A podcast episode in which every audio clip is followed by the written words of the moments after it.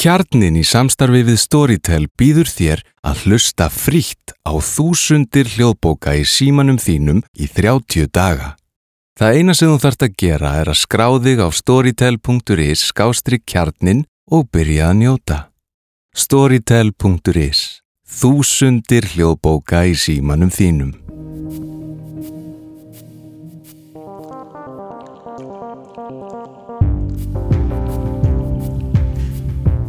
Góðan dag, kæru hlustendur og verið velkomin í klikkið. Um, í dag ætlum við að fjalla um geðlif og leiðvíja niður tröppun og nýlega ráðstöfnu þess efnis sem var haldin í Svíþjóð. Gestur minn í dag var á þessari ráðstöfnu, Auður Axelsdóttir, fasta gestur og góð Takk vinur. fyrir að bjóða mér. Já, takk sem leiðis fyrir komuna. Um, við vorum að tala um uh, geðlif og Já. Ég var að velta fyrir mig hvort við ættum aðeins að, að, að ég ætla að segja frá þessum fundi í Svíþjóð hvort ég er fyrst að svona ræða aðeins um stöðun á Íslandi já, uh, að því hún auðvitað stendur okkur næst alveg. og það sem að ef við tölum um geðlifin þá erum við að nota helmingi meira en normen til dæmis Mm.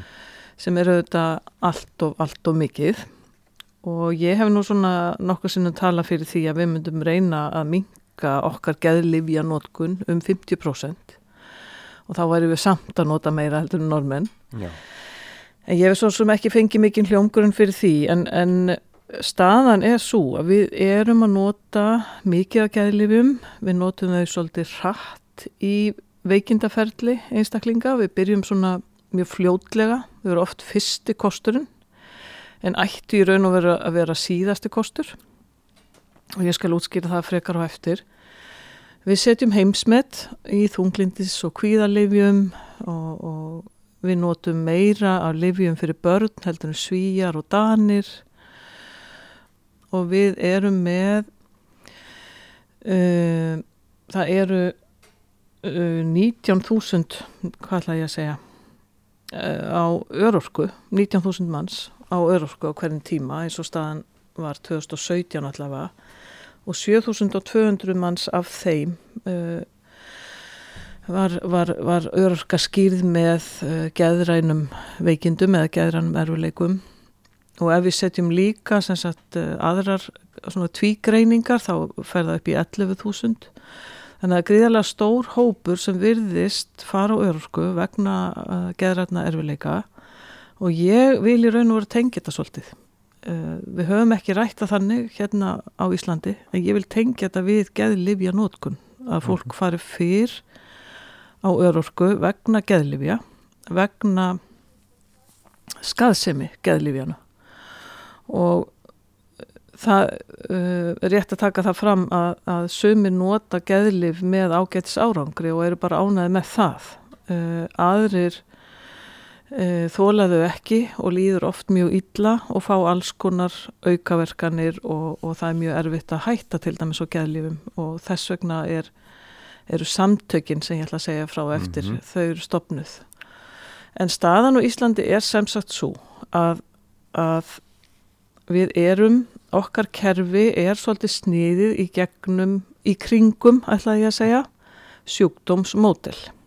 Og sjúkdómsmódeli byggist á því að ef þú gengur í gegnum geðrana erfileika, þá sérstu með sjúkdóm. Og það byggir á gamalli kenningu sem að, uh, er, uh, byggir á efna ójafvægi sem hefur raun og verið ekki verið sannað. Þannig að, að meðan við snýðum okkar þjónustu í kringum sjúkdóma, þá notum við lif já, oft sem fyrsta kost og það er eitt af því sem ég tel að við verðum að breyta á Íslandi. Verðum að breyta bara algjörlega þessu kerfi. Já, hann vinnur okkar Robert Whittaker var nú búin að tala um það að hans skoðan væri á til dæmis þessu efna ójafægi að það væri bara rámt Já, og falskt. Já, já, bara falst, fölsk kenning í raun og veru Já. og, og það er auðvitað svolítið alvarlegt að við séum að byggja okkar þjónustu á tilgátum Já, sem standast ekki. Og það kemur auðvitað meira og meira í ljós að fólk sem gengur í gegnum alls konar áföll og, og missi og jáfnvel vöndun og stuðningi geta liðið mikla þjáningar fyrir það og það Mhm. kemur niður á, á líðan og tilfinningum og öllu mögulegu en hefur ekkert með sjúkdóma að gera. Þannig að það er svolítið raung áhæsla þarna og ef ef við tökum aftur hvað Íslandingar eru duglegir að nota geðlif þá virðust við horfa svolítið frá þessu, við virðumst ekki vera nógu duglega að hugsa um af hverju líður fólki ítla, af hverju gengur það í gegnum þjáningu uh, og af hverju viljum við endilega fara þessa leið að kalla þetta sjúkdóma? Já, og hérna uh, ég veit ekki hvort við náum að svara þessum spurningum í dag en, en mín kenning er nú svo að við svona viljum bara gera þetta svolítið hratt og kerfið okkar er valda mikið það er, það er stórt og þungt í vöfum og það byggist enn og aftur í kringum þetta sjúkdómsmótil sem að læknar ganga út frá og það er erfitt að kalla fram breytingar. Höfum það er mjög erfitt, já og kerfið er auðvitað við erum þá kannski mest að tala um heilbíðiskerfi uh, að það vill ekkert láta gaggrína sig það, og kerfi hefur tilneyingu til að viðhalda sjálfu sér. Mhm. Ofta kostna þeirra sem að leita þjónustunar að því að, að hérna og það þýður auðvitað að þjónustan er kannski ekkit endilega út frá fossendum uh, þeirra sem leita þjónustunar heldur frekar út frá fossendum kerfisins, uh, peningana, fagfólksins, þú veist, þannig að við passum ekkit öll inn þar. Við erum einhvern veginn uh, alltaf kerfið reyna að halda andliti Já, í stæðan fyrir að breyta já. til sér. Akkurat og það er alveg ómögulegt að, að við séum komið með það staðan að kerfi sem byggir á uh, sjúkdómsmótelu og livjum að við séum, treystum okkur ekki til að breyta því þó það sé mjög, mjög margt í öllum rannsóknum í dag og, og hérna stefnumótun eins og hjá saminuðu þjóðunum sem að bendir á að kerfi megi ekki vera stó, svona stór, þau megi Mhm. ekki vera svona þungi vöfum þannig að það verður einstaklingur þarf að passa inn í stað þess að kerfi þurfa að passa einstaklingnum og hérna þannig að það það er alltaf dæmt til að verða svona ójæmt uh, svona vald, ójæmt valda hlutvöll Já, þannig að, að svona og við í hugarafli eins og þú veist þá höfum við auðvitað svona gaggrínt uh, kerfið að hluta til. Við höfum stundum viljað fá mannúðlegri þjónustu meiri mannréttindi og, og, og Mhm. hérna meiri uh, fókus eigum á sletta á forsendur einstaklinga sem leita inn í kerfið. Og við þurfum líka að hugsa ok, hvernig hjálpum við fólki fyrir utan kerfið, hugaraflir ein leið þar. Já, og þess vegna höfum við líka verið að benda á að einingar eins og kerfið okkar stóra heilbískerfi það er, það þarf að búta það niður og, og það þarf að ebla þjónustu fyrir utan svo það sé hægt að stiðja einstaklinga áður en í óefni fer þannig að það er svona og það er miklu miklu ódýrara heldur en að við halda þungu stóri kerfi já. En hvað er það sem að er uh, svona mismunandi hjá, af hverju erum við að taka svona miklu meira en norðmenn til dæmis? Sko það er afskaplega góð spurning af hverju það er. Uh, við erum auðvitað svona, við erum lítil þjóð, við erum fjölskyldumiðu þjóð Mhm. og í raun og veru ætti þetta ekki að vera svona hjá okkur. Þannig að það er, raunin eru norðmenn ekkert mikið frábrunir okkur Nei. í bæði kultúr og það er ekki stór þjóð heldur. akkurat. Ég held að þeir hafi til dæmis uh, í kringum 1990 þá settu þeir auki fjármagn í grasrótina í það sem að var að gerast fyrir utanstofnanir og ég Mhm. hugsa að það sé kannski partur að því að þeir eru duglegri að hjálpa fólki fyrir utan. Í staðis að líta á þetta allt sem eitthvað sem kerfið á að laga sem eru þetta bara alveg galin hugmynd. Já, Uh, af hverju við Íslendingar, Íslendingar erum svona genkeift fyrir þessu? Ég, veistu, ég veit það ekki alveg. Ég, einhvern veginn virðist að vera þannig að við séum að flýta okkur, við þurfum að fá eitthvað svona quick fix og já, kannski erum við bara ekki nóg að duglega að ræða tilfinningar, við erum kannski að forðast það eitthvað. Þú veist, það er erfitt að átta sig á þessu. Já, af hverju þetta er svona? Við virðumst svona einhvern veginn uh, þrá þessar skamtíma lausnir, já, einhvern veginn til þess að ég veit ekki hvort að ég er eitthvað að vera spekulera um þetta en, jú, ég held að það sé bara mjög gott að taka þessa samræðu. En mér finnst ofta einhvern veginn stoppa hlutir á þingi um leið og eitthvað er rætt, þá kemur ný ríkistjórn Já, já, já, og, og það eru auðvitað það sem veldur okkur oft erfileikum í, í að hafa áhrif á kerfið eins og Já. við viljum geta að gera. En, en mér finnst samt, ég var aðeins að hlusta á samræðu í þinginu í síðustu viku. Nei, í þessari viku bara og formaður velferðarnemdar hafði nú orðað þessu með geðlífi nótkun Íslendinga. Og auðvitað verðum við til dæmis að skoða það alvarlega. Af hverju er þetta svona? Og við höfum ekkert gert það. Og við þurfum líka að skoða þetta eins og ég sagði áðan í tengslu við örorkuna. Af hverju eru svona margir einstaklingar á örorku sem hafa geðræna erfileika eða gangi gegnum geðræna erfileika þannig að við þurfum að þetta í samhengi og mér finnst oft vera mjög mikil viðkvæmni fyrir því að taka bara, taka þetta allt saman upp. Og, og fólk eins og ég sem hefur vilja ræða lifjamálinn, til dæmis opið eh, sko það er ekkit alltaf vinsælt. Þannig að það eru mjög fáir sem eru tilbúin í þessa umræðu. Ég hef sem reynd að fá geðlagnarfélag Íslands til þess að ræða þetta á fundi. Ég hef ekki verið búin velkomin þangað. Og, og hérna sem ég skil ekki alveg vegna þess að margir geðlagnar vita til dæmis að- einstaklingan á bata í hugarafli og, og hvort sem að einstaklinga taka geðlifi eða ekki, það er ekki einu fókusun okkar. En þannig að, við verðum að þóra ræða. Hugsaði til dæmis að við hefðum aldrei tekið þátt í MeToo-byltingunni. Ef, ef við hefðum ekki þórað að taka þá samræðu þá var mjög margt sem hefði ekki gest þannig að þetta er líka viðkvæm umræða sem við verðum að taka í okkar samfélagi. Í rauninni ættu allir innan kerfisins að brenna fyrir, fyrir því að einstaklingur ná í bata ekki halda, hérna, viðhalda kerfinu eða halda andleti í því. Og nái bata án livja vegna Já. þess að liv sem við setjum í okkur, í líkamann, þau hafa áhrif. Og, og að því við erum að ræða um geðlif þá hafa, hafa þau bara sum hver mjög alvarleg áhrif, þau hafa sum hver mjög alvarlegar aukaverkanir og, og hérna ungt fólk kannski sem að kemur uh, í, og leitar þjónustu sem að er sett og þung og, og erfið geðlif og, og, og án þess að fá nægar upplýsingar um það. það Ég bara er mjög mikið á móti því og við höfum ekki staðið okkur næjanlega vel í að segja við fólk hérna þetta er einn valmöguleiki en það hefur þess og þessa áhrif. Það er svona og svona erfitt að hætta á þessu já, og til dæmis á það við þunglindislif að það er mjög, mjög erfitt að hætta þeim. En í dag finnst mér að þau séu rætt eins og það sé bara svona einhver lukkupilla skilur er, þetta er Já. rætt svona mjög mjög ábyrðalöst finnst mér. Finnst líka að það liggur við að þú getur farið til heiminslæknis og fengið kvíðalif eru, og þeir ávisa mjög miklu uh, af gæljum heimislæknar mm og það var til dæmis nýverið sett reglugerð í Bretlandi um það að, heimilislæknar þeir verða að upplýsa fólk um að það er áður en fólk fer á líf Mhm. og til dæmis þunglindislif að það sé erfitt að hætta á þeim að því áður höfðu þeir upplýsingar um það að það tækið ekki nema svona cirka tvær vikur að hætta Mhm. sem er algjört bull en þeir höfðu upplýsingar um það heimilislæknar og fóru út frá því. Þannig ef að fólk kom til dæmis eftir mánuð og sagði, ég, sagði við læknarna sína nú er ég hætt á lifjum og mér líður ennþá svona hræðilega illa. Að þá sagðu læknarnir nú heyrðu þá er sjúkdómurinn komin aftur þannig að þú eru bara að fara aftur á lif þannig að kemur það sjúkdómurinn. Já og, og það, það eru auðvitað ekki réttar upplýsingar. Nei.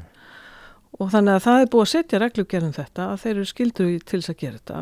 Og, og við þurfum að fara alvarlega ón í það hérna hér á landi, hvernig mingum við þetta, hvernig mingum við livjakjöf og því miður hefur stundum verið komið svo um, mýta eða, eða svo umræða fram að við séum bara svo duglega að leita okkur hjálpar og við séum bara svo ofbúslega vel upplýst. Þess vegna séum við svona duglega að taka lif og, og, og ég, minnir að það hefur nú verið gerlæknir sem held þessu fram einhver tíman þegar við vorum að ræða lifin hérna ofinbeglega fyrir einhverjum árum síðan. En, en það er auðvitað ekki þannig. Það, er, það heldur náttúrulega ekki vatni. Nei, það heldur ekki vatni. sjálfsvíðstíðinni hækkar og, Akkurat, og örorkan. Og ég er alltaf að hitta fólk hérna, held ég bara með ég segja daglega sem að upplýsir okkur um það hér að það hefur aldrei heyrt þetta eða hitt um geðlifin að þau séu bara þau eru oftast kynnt þannig til sögunar að nú ertu komið sjúkdóm og þú eru að taka lifrestin æfinni og þú mátt ekki gera þetta og þetta að því að nú ertu með þennan sjúkdóm og það er alltaf mikið gengið út frá sjúkdómsgreiningunni í staðis að spurja bara fólk hvað kom fyrir þig, Já, ekki hvað er að þér og fara í enkenna hérna, umræðuna. og það væri kannski eh, til þess að gefa fólki aðeins meiri von eða getur sagt við að heyrðu, veist, þetta er það sem að gerast hjá þér, þetta er tímabundi ástand Já, nákvæmlega. Eh, ef þú segir við mannesku, heyrðu, þetta er sjúkdómur þú ert að lifa með þessu alla æfi, þá lifir manneskjan alltaf með því alla æfi Algjörlega. Og stilli sig inn á það. Og, og hérna í stað þess að finna að því það hefur líka sínt sig að fólk sem tekur líf, það í raun og veru kannski fer aldrei í gegnum það eða tekur líf allt og snemma, það fer aldrei í gegnum það að finna hvaða bjargráð hef ég sem manneskja. Af því að ég ætla bara að taka líf við þessu. já, Þannig að þú lærir ekki hvað er það sem þú hefur sjálfur til þess að ná þér? Og það er auðvitað gasalega einstaklingsbundið en við höfum ákveði kerfi í líkamannum mhm, alls konar kerfi sem að hjálpar okkur með, með uh, hérna, að ná okkur ef okkur líður illa. Og ef, ef við erum hérna, í ungstræti eða erum að missa von og slíkt að þá er, er líka minn partur af því sem hjálpar.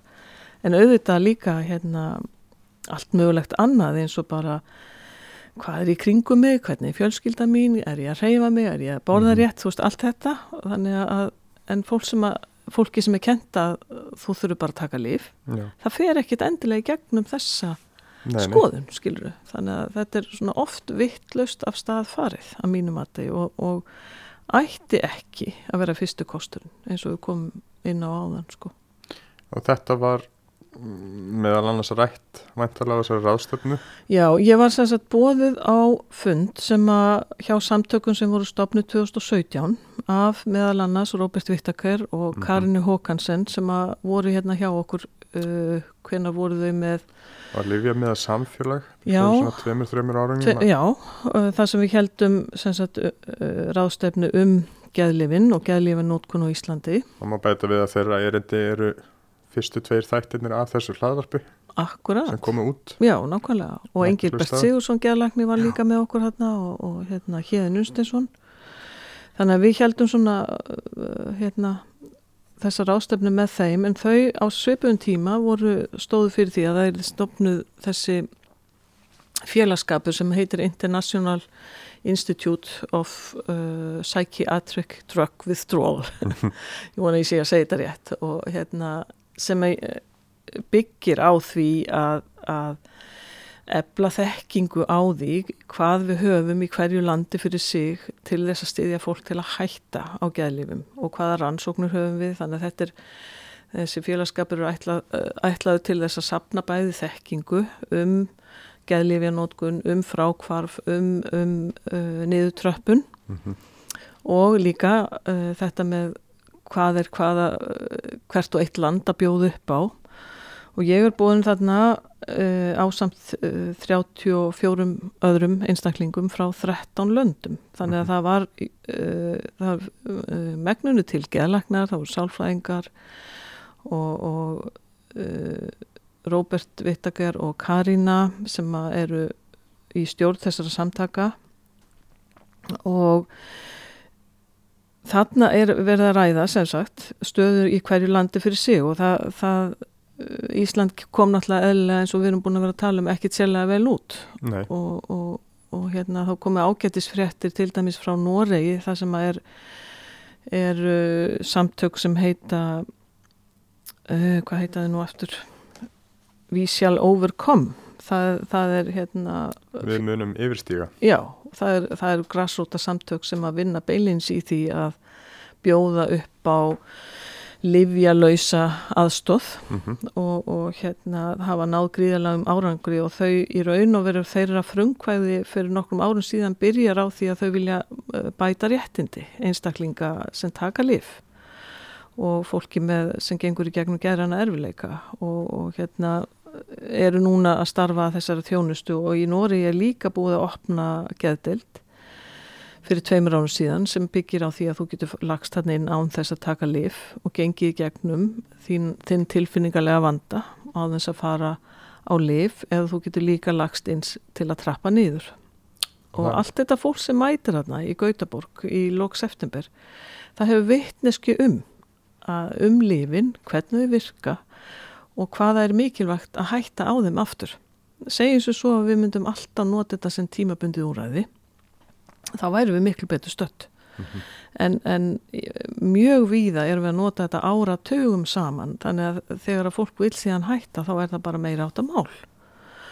Og, og hérna þannig að allt þetta fólk sem kemur hérna saman hefur bæði unnið uh, í uh, geðheilbríðskerfi og þarna voru líka fólk sem hefur tekið lif mm -hmm. og hætt á þeim og þannig að það var allir þarna vissu að það verður að gera eitthvað í þessu og, og hérna og ég er mjög þakklátt fyrir að vera bóðin þarna með því að við ég vona að við getum uh, unnu í þessu málum eitthvað meira á Íslandi og við stefnum á að halda ráðstefni hér á næsta ári á Mhm. vegum þessara samtaka og mér langaði líka að nefna að því að það var líka einstaklingar hérna eins og Laura Dilano sem er, er uh, mjög radikal aktivisti í bandaríkjunum hún var uh, hún, hún hérna sagði sögu sína að þegar hún sem úlingur gekk í gegnum mikla vannlíðan þá var alltaf verið, að reyna að fá hana til að taka lif og hún vildi það ekki uh, fyrst um sinn. Átjan ára tekur hún þá ákvörðun að þetta hljóti að vera bara eitthvað merkilegt við þessi lif og þau hljóti bara vera góð og hún ákveður að taka bara allt það sem aðinni var rétt og næstu 10-15 ári hennar lífi voru skjálfilega því henni leið alltaf vera og ver hún fekk alltaf meira og meira livjum og hún misti vonina og, og ákvað síðan að deyja. Og hún vildi bara, hún gati þetta ekki. Og hérna en eh, komst eh, bjargaðist og ákvaða hætt á livjum sem að tók hana mörg mörg ár. Og hérna en í dag er hún búin að stopna VF sem heitir Inner Compass ásamt öðru fólki og það er gríðarlega vinna sem liggur hann að baki því þau upplýsa um hvernig þú getur hætt á livjum og þau fara í gegnum uh, þú getur fundið upplýsingar um livjategundir, þú getur fundið upplýsingar alveg niður í uh, smáatriði hvernig uh, hérna þú getur hætt og hvað getur hvaða frákvörf geta komið og þess aftar. Þannig að þetta er mjög merkilegur, hérna, merkilegt frumkvæði sem hún tekur Þetta er svona gagnagrunnur eða, Já, já, og það var einmitt einhver sem hafði þarna á orði að, að það er svolítið merkilegt að skuli þurfa að vera fólk sem að eru notendur sem að, varpa þessum upplýsingum fram en ekki læknadinn til dæmis. Þannig að en, en hennar vinna í kringu þetta og, og hennar hérna, félaga er alveg gríðarlega mikil og merkileg. Og, og hún, það er hægt að finna hana til dæmis á YouTube, hún uh, er með bæði blogg og tala um mikið fyrirlestrum sem eru þarna sem hægt er að finna. Og hún, hún svona greinir mjög vel frá því hvernig bara hvernig það var fyrir hanna að hætta á livjum og, og það sem að að því við töluðum aðeins um, um þessa mannstu efna ójafæð á Já. þann það er líka mikilvægt að við reynum að, að uh, taka staðreindirnar upp og breyta þessari sögu að því hún er ekki rétt. Og að, að varpa því betur fram að, að fólk sem gengur í gegnum áföll eða, eða tilfinningarlegt álag það getur uh, hérna komist í öng, þannig, það mikið öngstræti á tímabilum að, að það getur bókstala varla lífa daglegu lífi. Og að, að þetta hefur ekkert með sjúkdóma að gera heldur tilfinningarlegt ójafvægi þannig að Já. við þurfum að breyta þessari upplýsingu og komin út. Og, og hérna og ég var til dæmis að horfa á uh, eða hefur svona fylst með ákveðinu sjónvarsefni sem að ungt fólk hefur verið að ræða þessi mál og það virðist einhvern veginn mjög fljótt vera sagt við þau að þau séu komin með sjúkdóma og þau verða að taka lif einhver þáttu sem hér til dæmis heila brott já, á rúf og hérna þannig að þau eru ekki upplýst um að, þetta sé hérna tilfinningarlegt og það sé hægt að komast í gegnum þetta. En það þurfi bara að gera ákveðnar ástafanir til þess. Þannig að hérna það þarf líka að, að taka þetta svolítið á dagskrá að þetta sé ekki svona uh, sjúkdómsmiðað. En fólk náttúrulega tristir það tristir helbriðiskerfinu já, það tristir læknunum sínum ef hann segir eitthvað eða hann eða hún já, segir uh, þú ert, þetta er það sem er að og þú ert að gera þetta það, mm Mhm. flestir taka þig bara eins og akkurat. skot, bara já, ok. Og eðlilega gerir fólk það, ég get mjög vel skilið það. Og, en, en ég myndi gjarnan vilja að halda því á lofti að það sé alltaf eitthvað sem þú þarfst að skoða rosalega vel ef þeir Mhm. eru rétt lif og í raun og veru hlýtur það að eiga með uh, hérna öll veikindi að þú þurfur að skoða hvaða lifir verða ávisa þér. Og, og geðlifim, geðlif þarf að skoða alveg einstaklega vel vegna þess að þeir hafa líka áhrif á allt kerfi líkamanns og heilans. Og geta til dæmis uh, ef við tökum bara ungt fólk sem er sett á lif og missir allt í einu kannski þingist um 30 kíló, Mhm. missir kynnketu, missir frumkvæði er ekki meðvitað um tilfinningar sínar að því það er búið að setja loka á þær. Skilur það, það hlýtur að vera eitthvað sem að kemur að því að fólk segi hei, ég er ekki til í að vera svona mjög lengi. Nei, og þá þarf ég að fara uh, hérna grúska í svo og reyna að hætta og það getur verið bara mjög, mjög erfitt. Og ég var einmitt að hlusta á einstakling sem að James Moore sem að er í stjórn uh, hérna þessar samtaka uh, sem að við tölum um áðan það tók hann sjö ár já, að hætta á þunglindislifin og honum, ár. já, hún var sagt í byrjun að þetta væri ekkert mál. Og hann, hann gerði þrjár tilraunir og í þrið, þriðju tilraun tókst það. Mhm. og hann notaði svo kallu tapering stripes. Og það er raun og veru þú veist, þeir sem taka lif þeir fá svona livjarúllu það Mhm. sem er pakkað fyrir hvern og einasta dag. Nafni og nafni og, og tegundum og öllu því.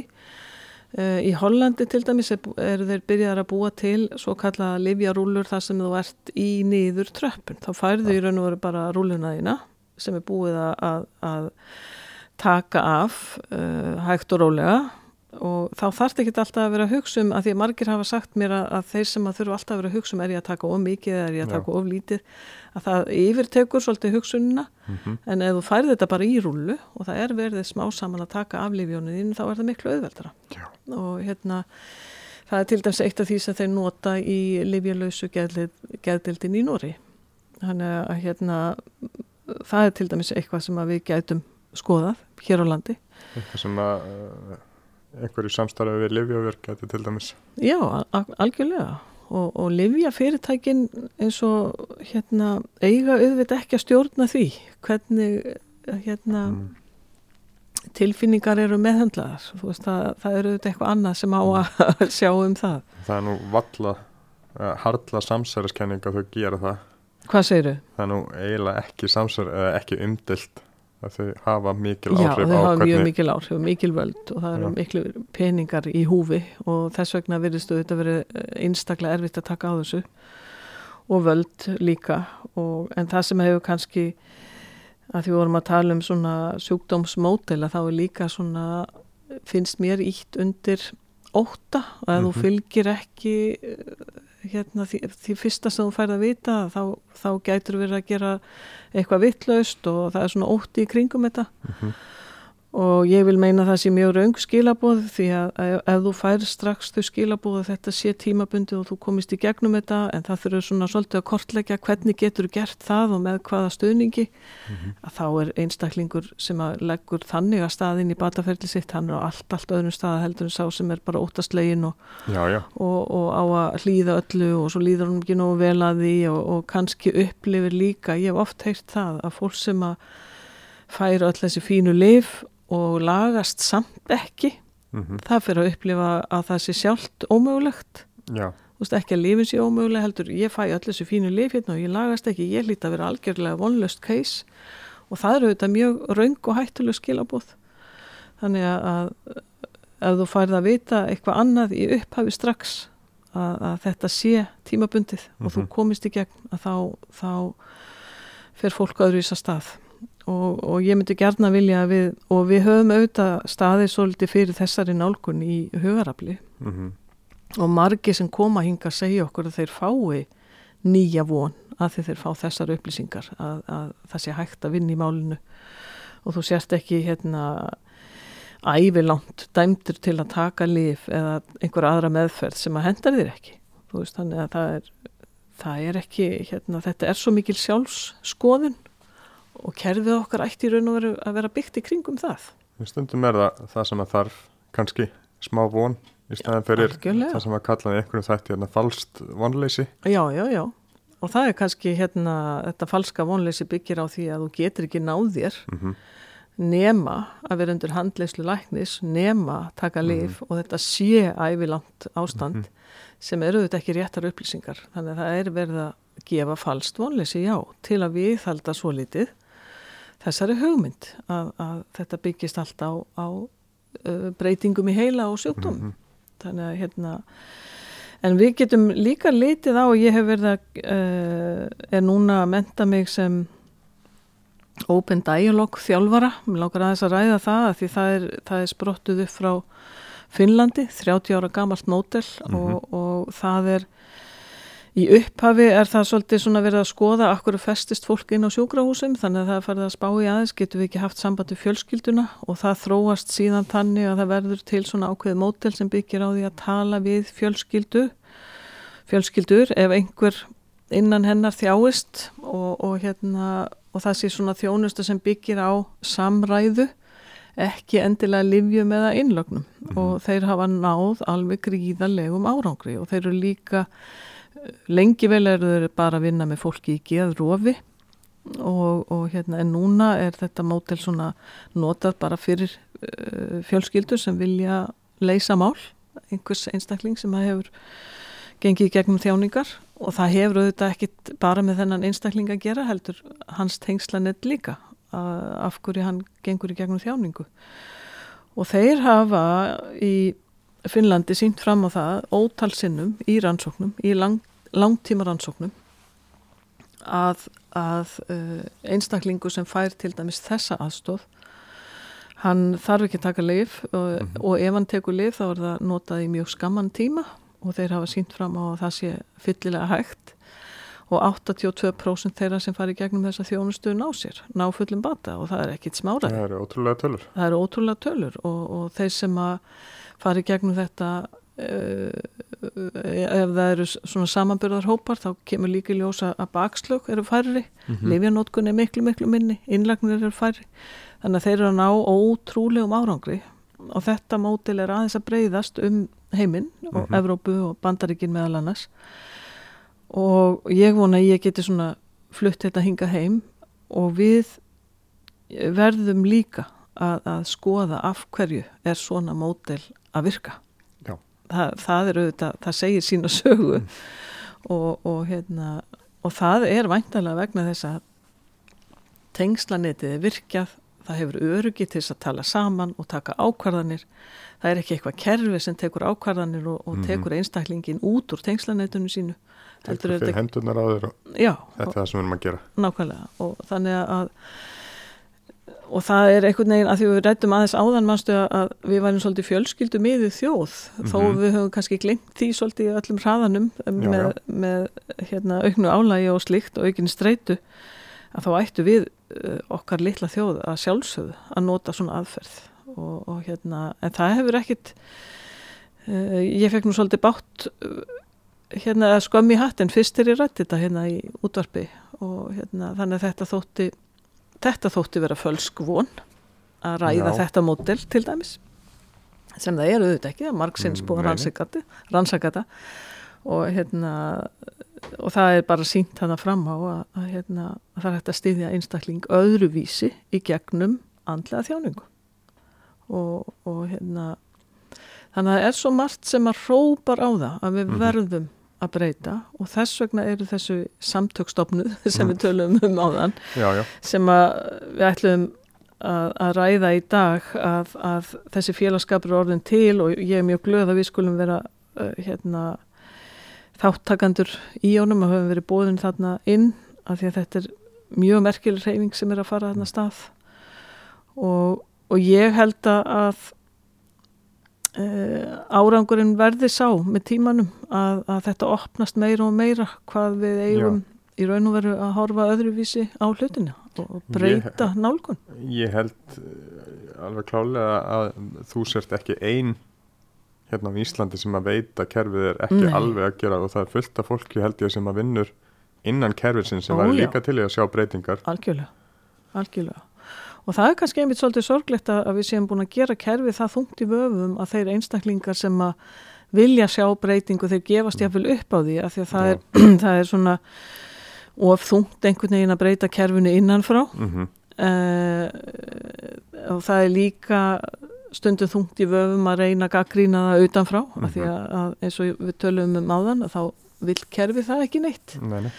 en, en það verður auðvitað að skoða allt og lifta öllu upp og hérna og svo höfum við líka sínt fram á að grasróta samtök eins og hugurafl til dæmis eru að, að sinna gríðarlega stórum hluta hó- fólks og sinna mikill þjónustu fyrir lítið fjármagn Mhm. sem þýðir að það sparast það sparast tími sásöki fjármagn og, og þannig að það er mjög raung áhersla að mínu mati sem við erum að fara núna að Mhm. gera kerfið alltaf starra og starra og starra og á, á forsendum uh, annara aðila heldur en einstaklingana sjálfra sem leita þeirra, leita þjónustunar Mhm. það er einhvern veginn svolítið mikil forræðisikja í því og það er svona tekur líka, það getur líka tekið von og vald já, já, frá einstaklingum þannig að, en það mikilvægasta er að ef að maður gengur í gegnum andlega erfileika og tilfinningarlegt ójafægi það er að ná valdi sínu aftur og voninni. Þannig að við getum kannski svona kannski getum við bara enda á því í dag, ég veit ekki. Hvað segir Já. um það? jú. Ég held að það sé góði punktu til að enda þetta. Já, og ég held að sé, eins og þú sagði ráðan, ég held að sé fullt af fólki hérna sem vill taka þessu umræðu og ég verð alveg verfið að ef að ég fer hérna í podcast eða útvarp að það eru margis einstaklingar sem hafa samband og segja hei, ég er hérna að hugsa þetta og, og hérna vil, vil hérna leggja mitt að mörgum til Mhm. að breyta þessu. en takk hérlega fyrir að koma til okkar þetta hérna tímabundin og svona Takk fyrir spjallið. og bara ég vil þakka ykkur allir fyrir að hlusta og bara sjá að sér Takk fyrir að hlusta á hlaðvarp kjarnans. Þú getur sótt fleiri þætti um allt milli himins og jarðar á vefnum kjarnin.is. Kjarnin í samstarfi við Storytel býður þér að hlusta frítt á þúsundir hljóðbóka í símanum þínum í 30 daga. Það eina sem þú þarft að gera er að skrá þig á storytel.is skástri kjarnin og byrja að njóta. Storytel.is Þúsundir hljóðbóka í símanum þínum.